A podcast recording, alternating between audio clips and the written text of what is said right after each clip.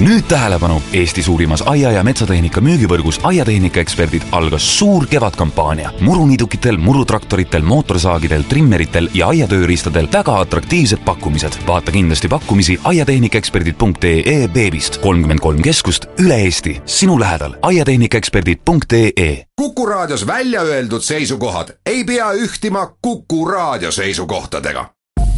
Te kuulate Kuku Raadiot. Eurominutid.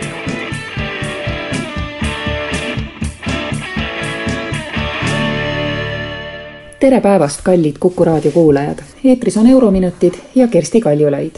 täna ma räägin transpordist või kui kasutada eurokeelt, siis süsinikdioksiidi emissiooni vähendamisest saastekvootidega katmata tegevusaladel. Saastekvootidega kaetud tegevusalad on teadupärast peamiselt energiamahukas keemia ja rasketööstus ning energia tootmine ise.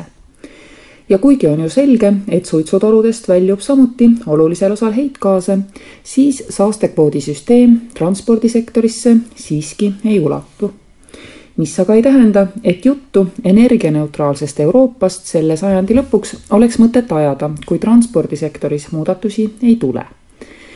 Valdkond jääb Energialiidu eest vastutava asepresidendi Maros Šefčovitši tööpiirkonda, kui komisjoni sisesest tööjaotusest lähtuda. tema eestvedamisel peavad liikmesriigid kokku leppima madala süsinikuheitmetega transpordi arendamise eesmärgid Hollandis kiideti mai viimasel päeval heaks Amsterdami pakt. see on Euroopa linnade deklaratsioon, selline rohkem alt ülespoole. Allakirjutajateks on palju linnapäid ja NGO-sid, kes kõik huvituvad puhtamast linnaõhust ja meeldivamast linnakeskkonnast see pakt ei ole muidugi mitte mingi kohustav lepe, aga siiski julgustab Euroopa Liitu paremini rakendama oma tegelikult olemasolevaid kavatsusi selleks, et linnades oleks kena keskkond palju häid töökohti ja puhast õhku. Muidugi sõltub komisjoni tegevus ka COP kahekümne ühest ehk Kopenhaageni kliimakonverentsi otsustest. vastavalt sellele peavad liikmesriigid esitama oma nägemuse kuidas täpselt saavutatakse need kliimaeesmärgid, mis Euroopa Liit Kopenhaagenis kahe tuhande viiekümnendat aastat silmas pidades enesele võttis seatud eesmärgid mõõdetakse uuesti üle kahe tuhande kahekümnendal aastal, et näha tulemusi. Praegu esitatud eesmärkidest saab kokku Euroopa Liidu ühtne tegevuskava madalate süsinikuheitmetega mobiilsuse arendamiseks. Eesti keeles siis, et kuidas toimetada üks persoon punktist A punkti B võimalikult vähese keskkonnareostusega Šefčovitš näeb, et komisjon peab aitama mitte ainult lubadusi kogudes, vaid ka suunates Euroopa Liidu innovatsioonile mõeldud eelarveosa ja muidugi ka infrastruktuuriga tegelevaid fonde keskkonnasäästu põhjustavaid investeeringuid tegema. kuid esialgu peavad siiski kõik ütlema, kui palju nad saaksid vähendatud, võttes arvesse nii transpordi kui muud kauplemisskeemiga hõlmamata suuremad valdkonnad nagu ehitiste, rajatiste energiatarve ja ka põllumajandus. kuna seitsekümmend protsenti eurooplastest elab linnades ja liigub pidevalt linna piires ühest kohast teise, siis on linnades suurim säästuvõimalus, on Maros Šefčovitš täitsa veendunud tore on, et komisjon ajab Euroopa Liidu eest seda asja ka globaalsel tasemel näiteks peaksid USA ja Euroopa Liit varsti kokku leppima ühises elektriautode standardis ja samuti targa elektrivõrgu suhtlusstandardites.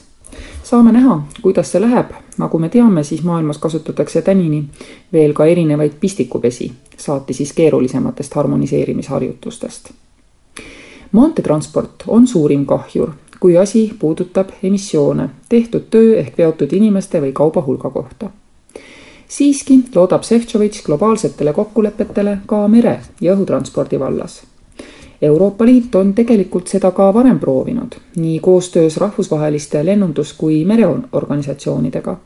kuid peale COP kakskümmend üks kokkulepete tunneb endal kohustust uuesti üritada töös on kõik relvad, parem logistika, efektiivsem transpordi infosüsteem ja biokütused transpordi vallas kindlasti igasugune ühistransport ja eriti selle rohelisemad vormid. kuidas edasi minna, tuleb kiiresti otsustada sest et mõned vanad otsused, näiteks see, et kahe tuhande kahekümnendaks aastaks oleks Euroopas kasutatavatest kütustest kümme protsenti biokütused, lähevad tühistamisele ja ümbervaatamisele. Ümbervaatamisele läheb biokütuste varem tehtud otsus sellepärast, et see on esiteks ebarealistlik ja tänaste teadmiste valguses võib olla isegi keskkonnavaenulik. On ka üks valdkond, kus Euroopa, muidu kliimapoliitika vedur maailmas, on USA-st ja ka Kanadast maha jäänud. Nendel riikidel on olemas veokitele korralikud emissioonipiirangud, Euroopal enamasti ei ole. lisaks tahab Euroopa Liit praeguste skandaalide valguses muuta kohustuslikuks heitgaaside hulga sõltumatu hindamise automootorite puhul. maanteetransport on terve viiendik Euroopa kasvuhoonegaaside emissioonist ja transport tervikuna koguni neljandik seega on transpordisektor energiasektori enda järel esimene reostaja ja jääb üle ainult imestada otsustajate vähest ambitsioonikust, kui see sektor saastekvootidega kauplemise süsteemist omal ajal eemale jäeti. Jah, võrreldes volüümikate energiatootjate või keemiatööstuse ettevõtetega on transpordisektor väga killustunud. aga ometigi nende liikuma panev jõud, kütus ja kütuseturg seda tegelikult ei ole ei olekski väga raske ette kujutada mudelit, kus kütusetarbija maksaks kinni ka innovatsiooni transpordisektoris. mitte ainult teede ehitamise ja hooldusega seotud kulud, millega on varasemalt seotud kütuseaktsiisi tulusid. Keskkonnakaitsjad on kaua unistanud, et kõik kulutused tuleks nii-öelda hinna sisse tuua, internaliseerida, et siis keskkonnakahju tuleks tuua kütuse hinda. võib-olla on lihtsam seda saavutada, kui tuua sinna hinda innovatsioonile tehtavad kulutused lõppude lõpuks ei ole ju tähtis, mis värvi kass on, senikaua kuni ta hiiri püüab. Euroopa Komisjon tahab lennunduse tuua samuti äh, emissiooni kauplemisskeemi alla, aga mitte teisi transpordiliike. juuliks peaks valmis saama saastevaba transpordipoliitika ettepanek ülejäänud osade kohta kui sellega, et Euroopa Komisjon üritab ühiselt korraldada vähem saastavamat transpordimudelit, tuleb igati nõus olla, siis mõne teise sektoraalse algatusega tutvumine võib vahel tekitada sügavat nõutust või ajada isegi naerma. näiteks märkasin, et Euroopa Komisjon tahaks õigust kontrollida seda, kuidas liikmesriigid oma lennujaamu haldavad. kuid mitte asja kõikides aspektides, vaid ainult ühes, kuidas liikmesriigid planeerivad lennukoridore lennujaamade ümbruses. ja ka seal mitte selle tegevuse kõikehõlmavaid osi, vaid ainult ühte. nimelt sooviks Euroopa Komisjon õigust järele vaadata, kas ja kui palju on liikmesriik kohalike huvigruppidega lennujaama laiendamist arutanud komisjon toob esile, et näiteks Helsingi, kus lennujaamade haldaja ei viitsinud kohalike kogukondadega koostööd teha, läks lennujaama laiendamine lõpuks kohtuotsusega aga Viinis, kus lennujaam jaksas viis aastat kohalikega rääkida, hoiti kohtukulud kokku. kahtlemata, need on lihtsalt faktid, aga ei põhjenda kuidagimoodi seda, et komisjon tahaks edaspidi verifitseerida, kas huvigruppidega on vesteldud või ei ole, juhul kui mõni liikmesriik hakkab omale kuhugile uut lennurada ehitama.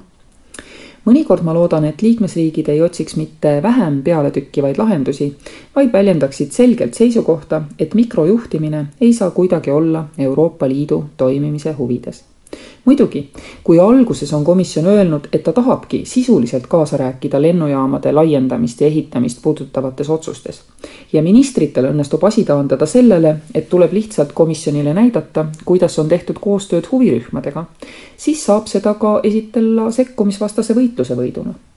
aga vaataks asja sisuliselt poolt ja mitte vormi loodetavasti saab heitmevaba transpordi korraldamine olema sisulisem, mitte niivõrd vormil põhinev Euroopa Liidu transpordipoliitika osa. ja et Euroopa Komisjon siiski edaspidi ei tunne liiga palju huvi selle vastu, kuidas täpselt lennuradasid ehitades linnaosadega läbirääkimisi peetakse. tavaliselt ikkagi terve mõistus võidab, kuigi terve mõistus on Euroopa lepingutes defineerimata. Kuulmiseni jälle järgmisel nädalal Eurominutid